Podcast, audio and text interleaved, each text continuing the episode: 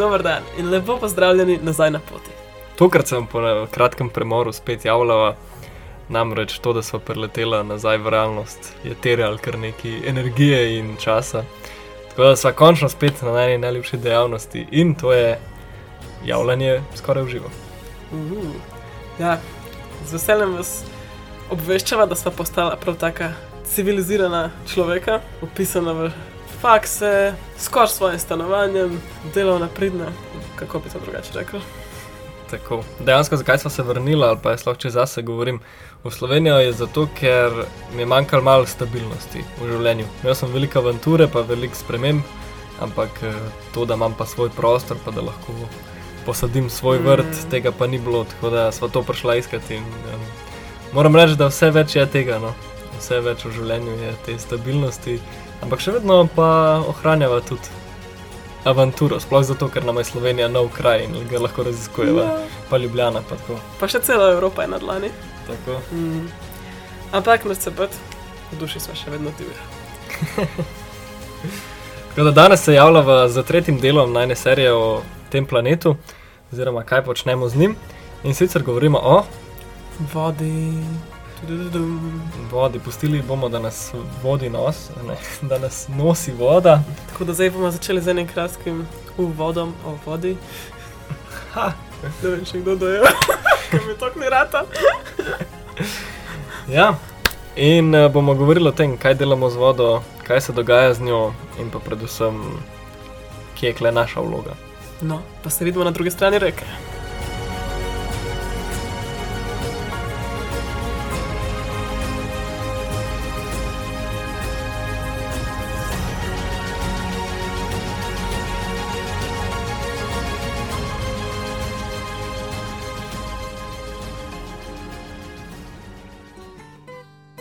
Čestitam, prišli ste na drugo stran, zaslužili ste si značko prečkanje reke.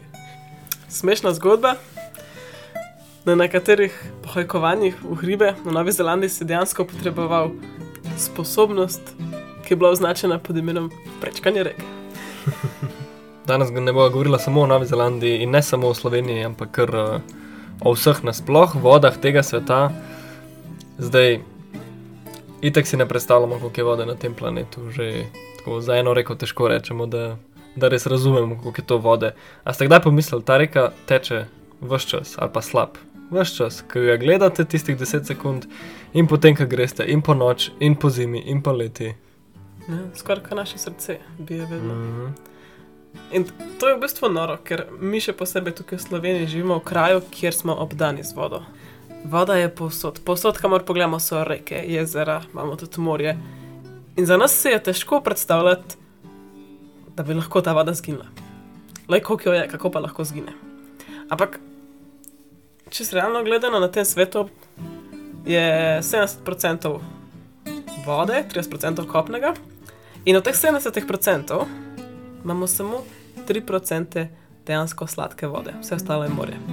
Zdaj rečemo, ok, 3%, super. Ampak od teh 3% sta 2% sladke vode ujeta v ledenikih. Kar nam v resnici od vse te vode, ki jo mi vidimo, pusti samo en procent sladke vode, pa še ta ni vsa pitna, veliko je onesnažene, veliko je nedostopne tudi. Posledično, kljub temu, da okoli nas je ogromno vode, se lahko komu zgodi, da se mi ne moramo odžejati. Hmm.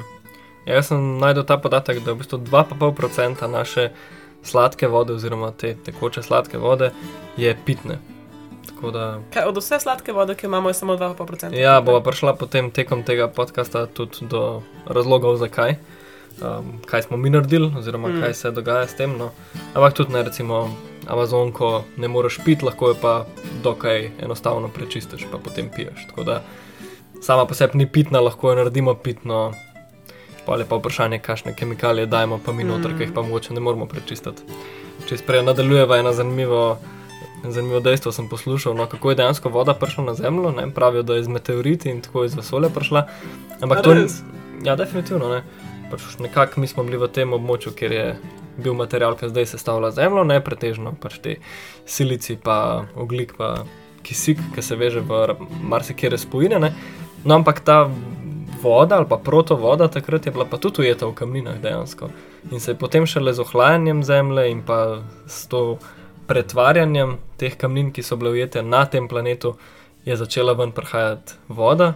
Ki ni bila sicer še v oceanih, ampak so bile tako velike, recimo luže, pa potem jezera te vode, ki je dejansko nastajala iz kamnov. No, tako, sej to je bilo, cel, cel planet je bil lava, pa tako naprej. Tako da, uh, iz tega ven je potem dejansko prišla voda. Zelo zanimivo, jaz sem si vedno predstavljal, da je prišla pač meteorit po meteorit, kapljica po kapljica, ampak dejansko je noter v tej skali bila ujeta voda. No. Hudo, jaz se sploh nisem vprašal tega vprašanja, ampak mm. je pa Mhm. noro zanimivo. To je zadnja teorija, ne bomo se Mm. mm. jasno. Okay, okay. No, zdaj od tega nastanka vode do danes je v bistvu minilo že kar nekaj časa in voda sploh ni več v enakem stanju, kot nam je bila dana prvič, ko smo stopili na ta planet. Mhm. Tako da bomo mi dva mal prehodila to pot, kaj vse je, se je zgodilo z vodo in kaj vse smo tudi mi naredili z vodi. Dobro, za začetek si že omenila, koliko imamo mi te pitne vode, oziroma koliko je, koliko je redka dejansko pitna voda. Ne? To včasih primerjajo tudi, ne vem, imaš eno, eno kanglo vode in od tega dejansko nekaj kapljic je pitnih, če bi bila cela količina vode, voda na svetu. Mm. Kaj Tako res, res malo vode v resnici je dostopne. Ampak velik, zelo dovolj za vse nas, bomo tako rekli. Če bi jo prav uporabljali. Ne?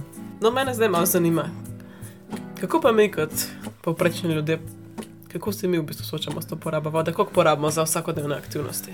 Uh, ta je huda, evo, to je bil moj del raziskav, sem se malo sredotočil na to, kako mi porabljamo. in Je... Jaz sem si sam par izpisal, no, se, če vas zanima, greste lahko gledati številke za vsako stvar. Dejansko samo napišete, koliko se vode porabi za to, da naredimo vem, lak za nohte in potem dobiš pač ta podatek. Jaz sem si ene take zanimive dal. No. Um, zdaj, kot seveda veste in vemo, vsi ni enakomerno razporejena ta voda oziroma poraba lete v bolj pušča, puščavskih delih ali pa v bolj tam, kjer je manj vodovodnih sistemov, se seveda porab vode manj, v bolj razvitih um, državah porabljamo oziroma razsipamo s to vodo, ker jo imamo preveč, mislim, zelo dovolj. Ampak tako je, no, recimo, um, najlažje najti za, za Ameriko podatek, mi pa nismo prav daleč od tega. No. Poprečen američan porabi na dan približno 400, moče 500 litrov vode. Ja, ampak to je všteto tudi ta posredna uporaba. Absolutno ne. Ne? To je samo direktna uporaba, se pravi. Kako lahko 500 litrov? Da se, 600 stu, litrov? da se stuširaš, porabiš med 50 in 100 litrov, lahko tudi 150. Ne? Ena banja je približno 100 litrov. Ne? Zdaj, Mm. odvisno kako se ti um, tuširaš, pa kopaš. Potem pranje oblek, pranje, A, wow. um, pranje posode, potem vsakeč, ko potegneš vodo, je nekaj litrov pitne vode, ne? spet odvisno od tega, se imamo tudi različno varčne kotličke in tako naprej. Ampak še vedno ne, ti če potegneš, ne vem, desetkrat na dan, ne, se to nabere takoj. Um, potem za umivanje obraz, zob, uh, kaj zdaj vem. Karkoli že pač umivate, ne. Mm. ko umiješ lase, pa rabiš več. Um, Pranje zelenjave, kuhanje. Ja, umiješ avto, pomiješ po tleh. Um, Sto in ena uporaba, ki sploh ne pomisliš, pa pač vedno je, ne? vedno je ta voda dostopna. Tako da ja, 400 litrov, ne, direktno. Um, v Sloveniji, če smo malo zavestni, je lahko malo manj, recimo 200-300 litrov, ampak še vedno se nabere veliko na enem dnevu. Jaz sem pa podatki potem brskal do, do najmanj, nekje je pisal za Kongo, se pravi, sicer zelo zanimiv, ker to je ekvatorialna država z veliko deževnega gozda, ampak pač nimajo dostopa do te vode, ali pa je Mm. voda nepitna, ne, zaradi uh, bakterij, ki so noter. In tam je pa podatek 34 litrov na dan na osebo. A je pa še pijemo vodo, ne, valjda. No, normalno. Tako da še za pit, recimo 5, 5 litrov, pa še potem za kuhanje. Ne. Um, tako da je 34 litrov, no je nekako najmanjša dnevna poraba na osebo, kar se mi zdi še vedno ne tako, kar neki, no, tako vidiš, koliko dejansko rabimo ljudje vode. Zdaj to je zanimivo, da omenjaš, ker ko smo mi dva živela na Vajhikiju, smo imeli, kot že verjetno vsi veste, deževnico. In v poletnih mesecih stisneš tank z deževnico, ni dobival nobene nove vode, ker ni dežval in smo mogli zdržati par mesecev. In se spomnim, ko eno poletje res je bila suša. In eni moji kolegi niso želeli naročiti nove, nove vode in so imeli izračunano, koliko vode lahko porabijo vsak dan. In dejansko so imeli 40 litrov na osebo na dan. Mhm. Se pravi, zelo taka kongo številka. In to mi je bilo fantastično, ker potem je preračunano, da lahko vsak enkrat na dan potegne vodo. Se pravi, ti si lahko samo enkrat kako na dan. Ja. Ali pa tuširal si se lahko na 4 ali 5 minut. Ne, ne, ne, ona dva ne takrat, ona sta takrat imela omejitev tako 40 sekund. ne. Da se, ne, da se dejansko prideš 40 litrov, ker to hitro prideš. Ja, ja, Z pranjem posode, pa kuhanjem, pa vse.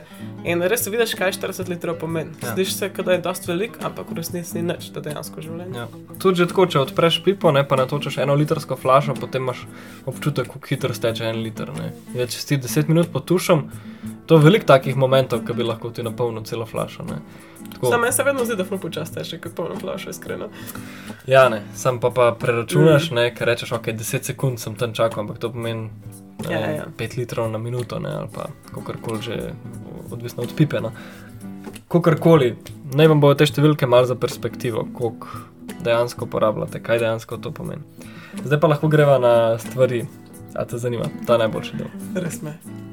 Ta je zakon. spomnim teh podatkov, to je noro. Se pravi, na koncu bom povedal, koliko približno mi porabimo s posredno uporabo vode, se pravi, z vsem, kar mi zaužijemo, pa kupimo, konzumiramo na kakršen koli način.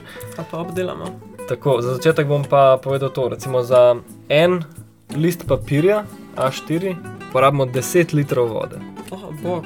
Se pravi, za, Papirjev jaz porabim, ja, se pravi za en zvezek, ne, ki ima ne vem, 80 strani, tako je 800 litrov. Ne. No, pol gremo naprej. Ne. Recimo za en kilogram čokolade porabimo 24 tisoč litrov. To, kar moraš drevo posaditi, zalivati, Tako je, do za, wow. za zalivanjem in tako. Jaz pa veliko vode posredno porabim. Ja.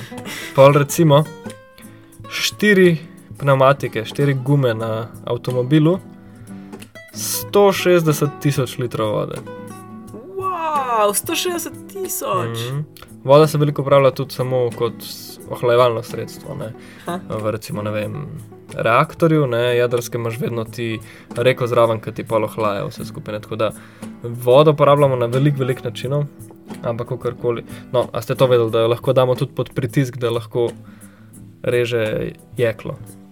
Ne, dejansko lahko jo spravimo pod tak pritisk, da reže to. Čisto noro. Ima dobre lastnosti. Ja. Ja, v glavnem, no, če zaključim to moje, pejte si sami pogled številke, če vas še kaj zanima.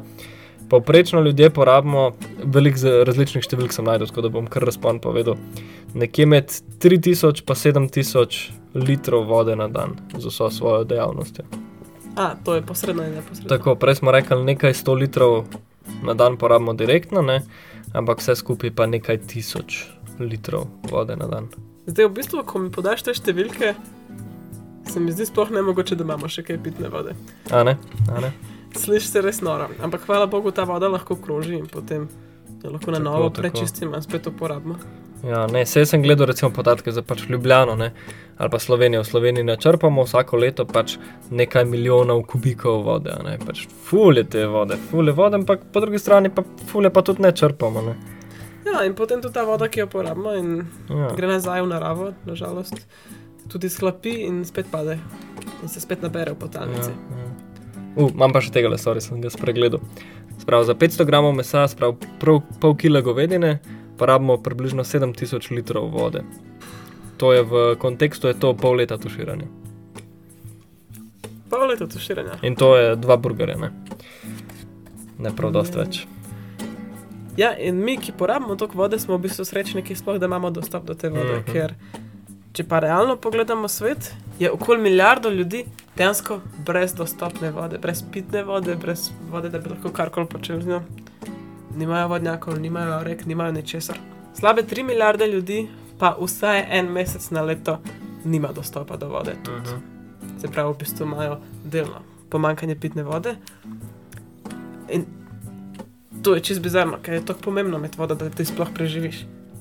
So tudi kraje, kjer je vode ogromno, recimo kot si prej omenil Kongo, ampak ta voda ni pitna, ker je okužena z bakterijami, ker je pretoplo in je tako čudovita klima, da se potem v vodi razrastejo marsikiri paraziti.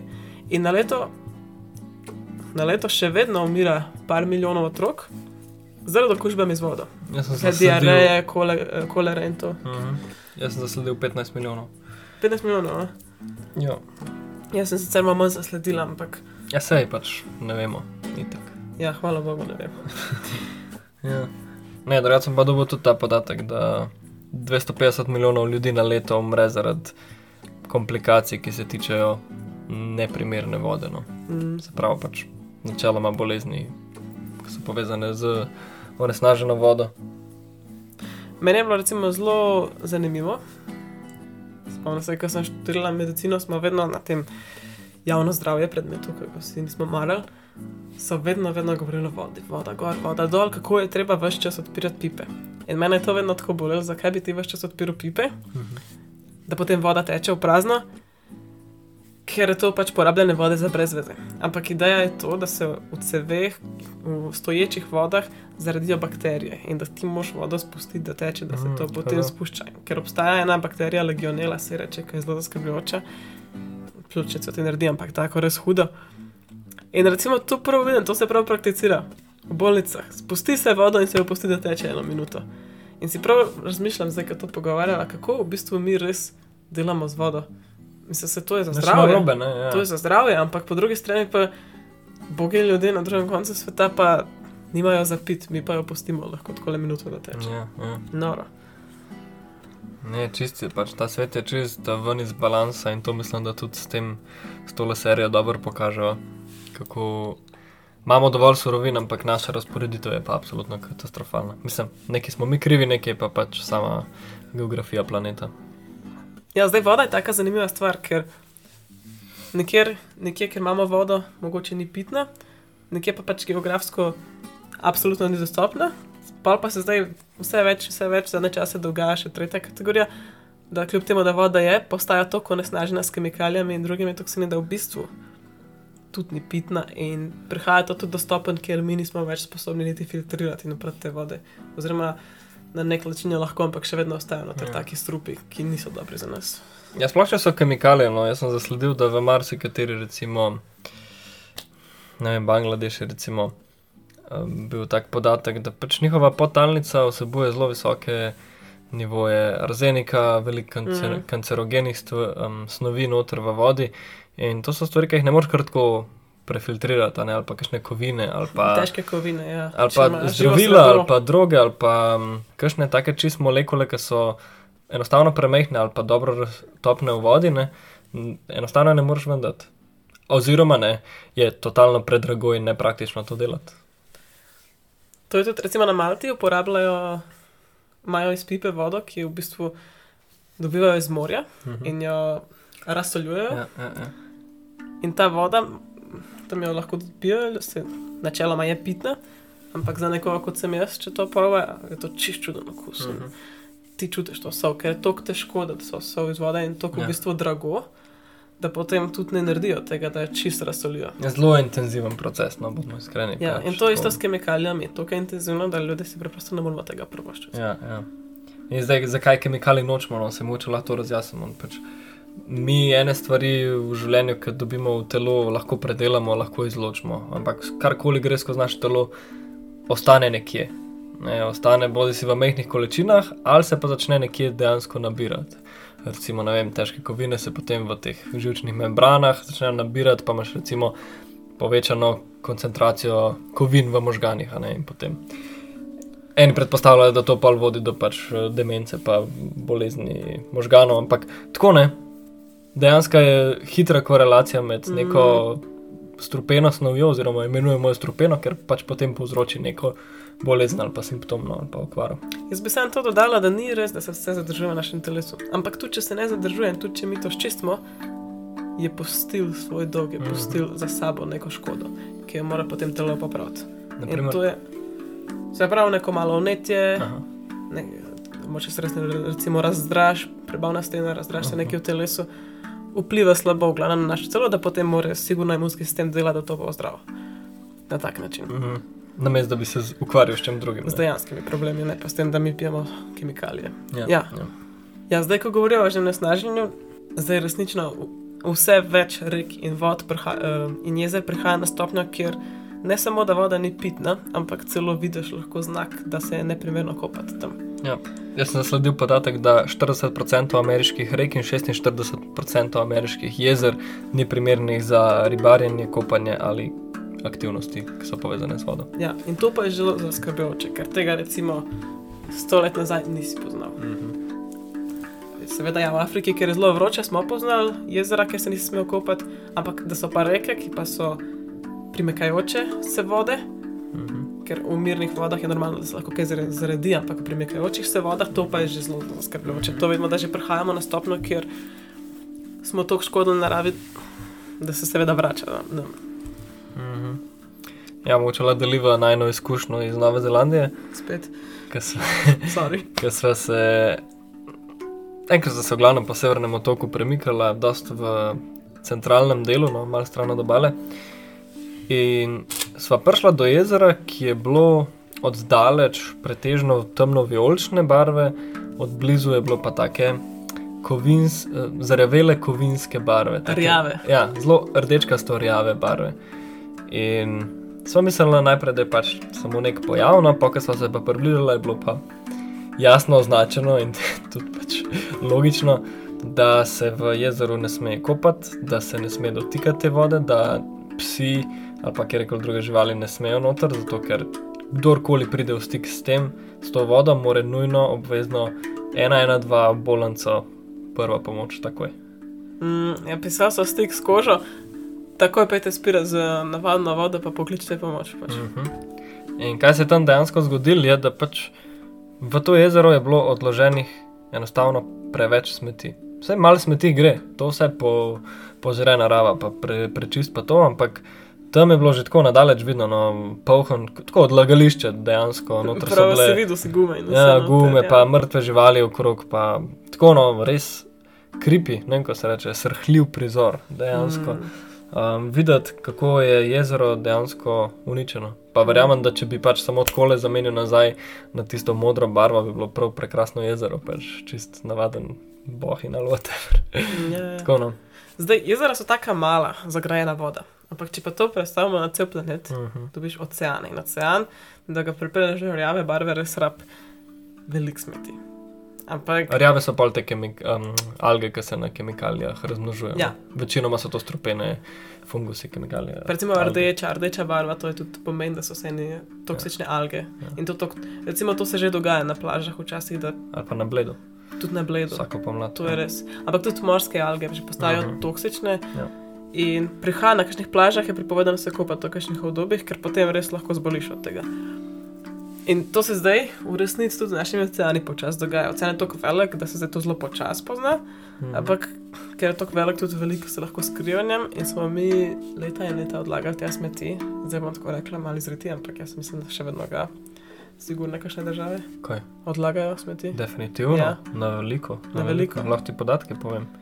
Ja, jaz pa nisem hotel tega pogledati. Ja. Plisne. No, daj povej. 80% vse, po, vsega osna- onesnaževanja voda prihaja dejansko iz netretirane odpadne vode. Se pravi, čisto um, človeške odplake. Ne? In Mm. to je zelo, zelo um, dobro gojišče za bakterije. ne. Pač naši odpadki so zelo dobro gnojila. a Ja, jaz sem mislil, take odpadke, kot dejansko smeti. Ja, no, vse to, ampak to gre dejansko v naše tekoče vode, kam se to steka, Ja, na koncu v morje. Če pa vzamemo v zakup še vse ostalo, ker mi odplaknemo tudi industrijske odplake, grejo direkt v, v reke, sploh v državah, ki so manj regulirane. Dejansko vse naše rešitve, kar se le da, kar je dovolj tekočega, bo šlo v reko. Mm. Tako seznam stvari, ki jih mi noter dajemo, je neskončen in res uh, srhljiv. Ampak na koncu no, pa pridemo do tega, da ja, mi odložimo približno 3 milijarde ton smeti na leto v oceane. 3 milijarde ton, zdaj to je preveč, da bi se kdorkoli predstavljal. No. Um, Ocenjeno je v bistvu, da pod oceanom obstaja za celo Avstralijo, za cel kontinent hmm, smetišče. kaj? Smetišča. Tako površine. Ja, površina. Daj, Mhm. -huh. da samo obstaja en del, ker se vse zaradi tokov smeti nanašajo Uh -huh. in da je to v velikosti Avstralije. Tako. Nekaj od tega plava, nekaj od tega je pot- Ja. Vse pa razpada. Ja. Vsi poznamo to mikroplastiko, Tako. ki potem škodi živali, morskemu svetu in druge Tako. težave, ki se tukaj dogajajo. Ja. Pretežno so naše odplake v oceanih, so plastika, ki ima pa to žalostno lastnost, da ne uničijo se, po drugi strani pa začnejo razpadati. Na UV začnejo sproščati ven kemikalije in pa tudi uh, fizično, mehansko se začne razcepljati. Je, ko se mikroplastika, so v bistvu samo ena za drugo enake molekule pokopirane in one samo potem razpadajo iz teh dolgih, dolgih vrst na tako posamično. In temu mi pa rečemo mikroplastika in to je čez drobno in gre lahko povsod. Ampak mm -hmm. pa, ne zgodi se pa nič s to molekulo samo Ja. ja. po sebi, ne bo šla naprej. To je prav, um, imenujejo ga že skoraj kontinentno, um, Big Pacific Garbage Patch.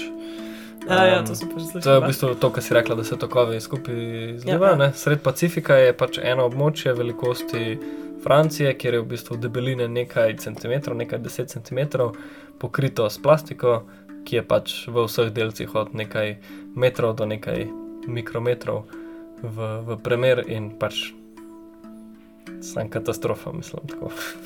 Ja, zanimivo, da že vedno dajemo morje, po vsem tem, kar vemo. Ne moš verjeti. Ja, večinoma, ja. večinoma to delajo um, v revnih državah, Ja, ja, ali pa seveda. bogatejše države izvažajo v revne V države, revne. ki pa to naredijo, ker je dejansko ekonomsko vprašanje. Dejansko je Mm. predrago se ukvarjati s temi smetmi, ali pa se dejansko ne znamo. No. Ja, tudi to.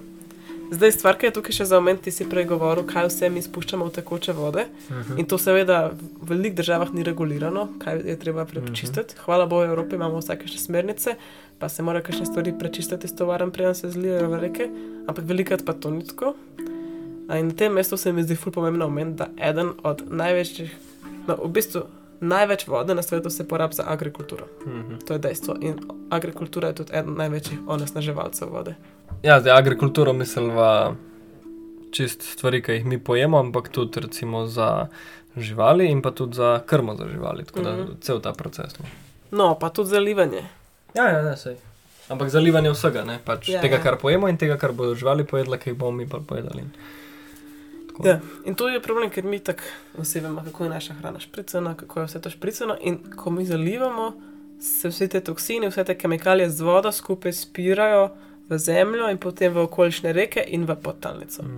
In posledično se tudi včasih čista podtalnica zdaj uma, eh, umazani, se pravi, postaja onesnažuje. Se pravi, postaja neprimerna za pit. Ni samo to, to, kar se dogaja. Dogaja se tudi, da zdaj zaradi vseh podnebnih sprememb in ogrevanja, ki ga doživljamo na tej zemlji, karkoli že razlog je, prihaja do tega, da se je vse manj vode, dejansko doživljamo suše, vse več suš poznamo. In tudi veliko potalnic, ker jih mi tako napolno uporabljamo, pa tudi v kombinaciji s tem vremenom, ki zdaj prihaja sušo, hlapi, dejansko zginja eh, količina vode, ni jih dovolj. Mislim, se ne hlapi potalnica, v bistvu ne pride voda več do tja. Mhm. Hkrati se je pa v zadnjem stoletju zgodilo to, da smo izgubili več kot polovico vseh močviri na svetu. Se pravi, presahalo je več Mm. kot 50% močviri, kar je pa grozen podatek. Ja, zdaj močvire so sploh um, zelo pomemben del ekosistema celega planeta. Uh, mogoče zraven močviri bi šlo še te prehodna, spravo um, morska močvirja. Mm. To so območja, kjer so Mangrove. ja, mangrove, ne, ali pa recimo um, teli, uh, kaj imajo na Floridi, ki so samo te trave, dejansko močvirje. No. Ali pa recimo um, področja, kjer mah raste, ne, to so tudi močvirja, ki je dejansko samo voda, ampak je tudi mah in temu se pa reče šota, ker Mm. se začne ta mah zbijati. In kaj se dogaja no, v tem procesu, v vseh teh področjih, se dogaja, da se tam noter ohranja in spravlja full velik CO2. -ja. To so najboljši, um, tam se reče po angliško, carbon sinki, oziroma tja noter se najbolj spravlja CO, CO2, oziroma uh, C, no. uh, oglik, uh, ki ga pa rastline dobijo iz zraka. ne. In kaj se dogaja, ker se ta pač območja jih mi sušimo umetno, ali pa se pač zaradi pomembnih sprememb se sušijo, se ta CO2 začne izločati. Potem mi recimo ne vem, zakurmo mangrove ali pa zakurmo ta šotni mah, ki ful dobro gorine, itak, če ima toliko uh, oglika vse pojedga. Ampak je spet to, kar smo govorili že v prejšnji epizodi, je to dvojna povratna zanka, mm. ki v bistvu zmanjšujemo prostor, kjer se ta oglik shranjuje in ga dajemo ven v ozračje. Um, tako da zelo, zelo, zelo smo neodgovorni do naših močvirij in teh uh, prehodnih delov, ker so za, za ljudi so zelo neuporabne. Neprehodni so, um, pogosto jih spremljajo pogoji, ki niso za nas v redu, kot so pač živali in bolezni, ki jih ne prenašamo, doskrat je vroče tam noter, mm -hmm. ali pa samo pač neprehodno. Tako da je zelo. Dobro, prostor za okužbe za ljudi v resnici. Ja, definitivno. Ali pa, da veš, kaj boš v mangrovah delo. Tam so samo korenine, pa pač voda do kolen, več ni tam. No, ampak nekatere države se že zavedajo pomembnosti tega, tako, tako da postanejo to naravni rezervari in zaščitena območja Ja. počasi. Upamo čim več. Ja, vsaj mi smo tako imeli v Novi Zelandiji, zdaj za drugo si ne upam trditi. Ampak niso pa močvirja edini problem, ki se tukaj dogaja. Zdaj, to smo že govorili v prejšnji epizodi. Mi na polno tudi sekujemo gozdove. Mhm. In gozdovi so pa del ekosistema, ki tako močno drži vodo na tleh in ne samo na tleh, drži vreme okoli sebe, regulira vreme. To smo govorili, da v resnici gozd drži toliko vlage, da potem vse čas izhlapeva, se naredi oblak, dežuje. In ko gozda več ni, ta cikl zgine. Mhm. In prostore, kjer zdaj noro dežuje, kjer se mi imenujemo deževni gost, z razlogom, ker je tam gost, ker ti posekaš deževni gost, tam ni več dežja. Mhm. Ne zato, ker ta dež zgine, ampak zato, mislim, zgine, ker ni gozda. Ne, To Dejansko dejstvo. izhlapeva iz gozda Ja, s tako ja. hitrostjo, da nastajajo oblaki dnevno oziroma sezonsko, ki potem pošiljajo to vlago drugam. no. Ja, no, v glavnem. Z izsekavanjem gozdov, sušenjem močvirj in vsem tem, posledično mi v bistvu še bolj uničujemo ta naravni cikl vode, ki se dogaja. In izsušujemo zemljo. In zdaj se to že zelo dobro pozna na vremenu, ker vidimo, da vse večkrat doživljajo po- določena območja sušo, medtem ko v istem trenutku druga območja doživljajo totalne poplave. Mhm. In se je nekako ta balans, harmonija, ravnovesje, ki smo ga poznali, je padel ven. Vse bolj. Vse bolj, vsako leto se res to, Mhm. zdaj se res to pozna, ne moramo si več lagati. Pač vidimo, da letos tudi v Sloveniji je bila taka suša, kot je že dolgo nismo Mhm. poznali. Poplave so tudi, slišimo več čas. Potem so požari, ker pač ni dovolj vode, Ja. zaradi suše. In se vidi, kako ta cikl vode mi uničujemo na zelo velikih nivojih. Na s porabo, z onesnaževanjem, z sekavanjem gozdov in tako naprej. Ampak zdaj pa to udarja na nas, na drugi strani, nazaj zelo močno, tako da na koncu mi spet nimamo Mhm. vode za pit. Niti za druge stvari. Ja. Nekateri bodo rekli, da vse te ekstremne pojave, ki jih doživljamo, so statistično del naravnega cikla. Pač se zgodijo. Mm. Imaš na, za vsako vremensko zadevo imaš ti projekcijo, koliko pogosto se dogaja. Ne? Imaš recimo hurikan, take stopnje, enkrat na pet let, pa take stopnje enkrat na deset, pa enkrat na sto let je res hudo. ne. In to je vse v redu in prav, ampak fore, da se stoletni pojavi zdaj pojavljajo na nekaj leta. Ne? Mm. To, kar je včasih bilo zelo redko, je zdaj vse bolj pogosto in vse bolj intenzivno in tako naprej. Tako da tudi ta statistično zgoščevanje pojavov, ki jih imamo, koliko pogosto je suša, koliko pogosto so ekstremne padavine, tudi to nam da vedeti, da nekaj ni v redu. Sej, to že vsi vemo, pa ne rabimo iti bolj globoko na tem, ampak to je vse glede vode, vse se gre glede vode. Ampak ti si rekel, to so statistični pojavi, ki se pojavljajo in so del naravnega cikla. Mogoče so del naravnega cikla, ampak nikoli v zgodovini ni bil del naravnega cikla, da se to gozda izseka. To ni del naravnega cikla, to smo mi zdaj dodali. In ta Definitivno. stvar je definitivno človeška, da recimo je zdaj manj vode, ki izhlapi, ker ni več gozdov, ki bi držal to gozdo. Ja, samo ne vemo, kaj je korelacija, Mm. kaj pa samo Definitivno. uh, slučajno tam zraven. no. To lahko samo špekuliramo zdaj. Ja, tako da veliko znanstvenikov bo veliko pač povedal na to temo, tudi raziskave so narejene, um, veliko ljudi bo verjelo to, kar danes govoriva, ampak po drugi strani si pa pač centri, ekonomski centri, pa centri moči bojo prizadevali, da najdejo druge raziskave ali pa Mhm. ljudi, ki bodo to izpodbili, ker ne, se vemo, denarju sledimo, pa nam je vse jasno. Tako da, ja, se strinjam, marsikaj delamo narobe ali pa uh, tako čisto slepo gremo v eno slepo ulico, medtem ko pa posledice bomo pa mal. Mislim, že zdaj jih čutimo, no, sej smo že tam, ni, ni to nekje več prihodnost. Smo že tam letos v Medvodah, Ni bilo več vode, Ja. ja. sam še med je bil. Ne, res, jaz sem prišel nazaj domov v Slovenijo in mi nismo imeli vode. Mhm. Mi se nismo mogli tuširati, si odpel pipo in vode ni bilo. Kako si upate reči med vode? Kaj? Je med vode. Ja, kako si upate reči med vode, točno to. Ne, ampak meni je to šokantno, da se v Sloveniji kaj takega zgodi. Mhm. Nikoli v življenju nisem tega doživel, niti pomisla, Ja. da se to lahko tukaj Ja, zgodi, ja. ampak se dogaja, to je dejstvo. No, mislim, da bo zdaj na tej stopni, da počasi zaključila z znanimi podatki. Tako je. Jaz imam še mogoče tale podatek. Um, Najdel sem eno smešno stran, ki je bil števec, dokdaj imamo še vodo. U, jaz sem to našla. In je pisal 17 let in je potem odšteval navzdol, um, da takrat pa ne bo več pitne vode. Meni se to zdi malo smešen, zato ker nekje že zdaj nimajo pitne vode in nekje druge bo vedno pitna voda. Tako da jaz mislim, da tisti števec bi mogel biti na nič in samo pač bi nas mogli vprašati, kaj nam je pa pomembno. Pač, a, a se želimo boriti za enako vrednost te vode, ker kaj se dogaja je že zdaj in še vedno bolj se bo, da je voda več vredna od nafte. a ne. V Dubaju, recimo, voda je več vredna od nafte. Ja, bolj pocen, misliš. Ja, Mislim, pa- drag- eh, dražje. bolj dražja je Ja, od nafte. ja no, se to se že vidi, ampak tudi tako. Ne. Včasih so bil bitke in vojne za. Um, ali pa za prevlado se je šlo, kdo ima več nafte in kdo ima več zemljskega plina. Vse več se bo šlo, kdo ima dejansko vodo, kdo ima dostop, da lahko črpa čisto vodo ali pa celo dostavlja mm. ali pa kakorkoli. No. Jaz sem sicer našla napovedi, ko so bile deset let stare in mi je bilo zelo zanimivo, ker tem bilo pa napovedano, da do leta 2025 ne bo več pitne vode, naravno dostopne. Sicer to zdaj vidimo, da ne bo čest res. Ja, pa se, veš, nekje že nimajo vode. Ne? ampak Se sva rekla, 3 milijarde Ja. ljudi nima vode. Na velikih prostorih pa že reke so tako nesnažene, pa je zaradi dejansko Mm. to vela. Že Ja, danes. Tako sam, ljudje smo že tam, ni to prihodnost.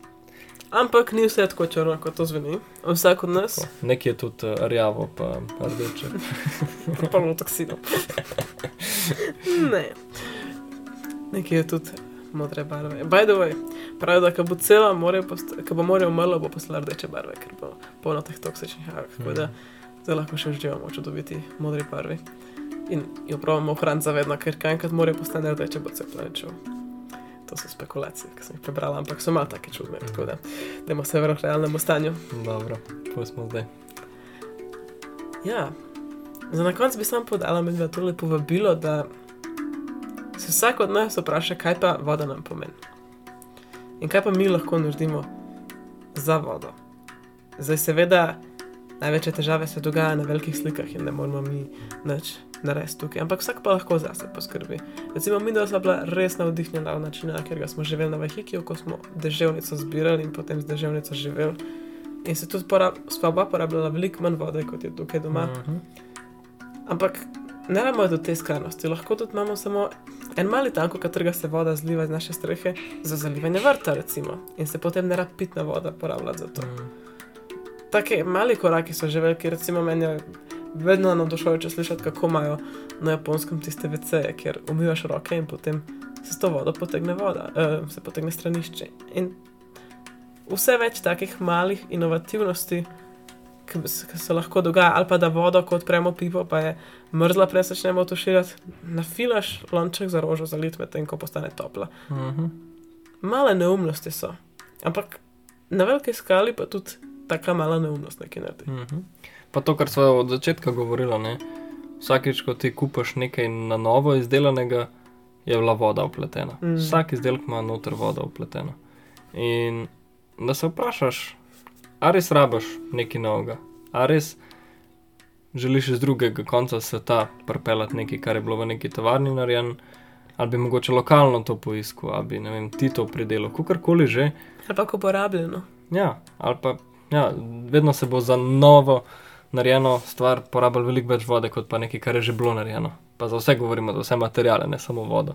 A Ne, če je že narejen, je že narejen. Um, tako da je samo vprašanje, da se zavedamo, da se zavedamo, kaj se dogaja, da se zavedamo, da hrana naša porablja vodo, da hrano, ki jo jemo, vem, če jemo živali, pa so te živali porabljale vodo in tako naprej. Pač vsak, vsak korak našega življenja ima to tono upleteno in samo da s tem zavedanjem stopamo po zemlji. No. To je moje povabilo. To je to z najne strani. hvala, da ste se nam danes pridružili pri plovbu, plovbi po tem vodenem planetu. Želim vam en pretočen dan. Voda je bila razburkana, a vaše življenje lahko še naprej teče. Vse dobro. Sporočite nam še, kako, kako vi gledate na te stvari, kaj se vam zdi pomembno, oziroma kaj vi počnete, da izboljšate to situacijo. Podelite ta podcast z nekom, ki mu je tudi to pomembno, ali pa ki mislite, da bi mu to prav prišlo. Pa da ima skupaj skrbeti za naš planet, Aleluja. ker on skrbi za nas. Čau, čau.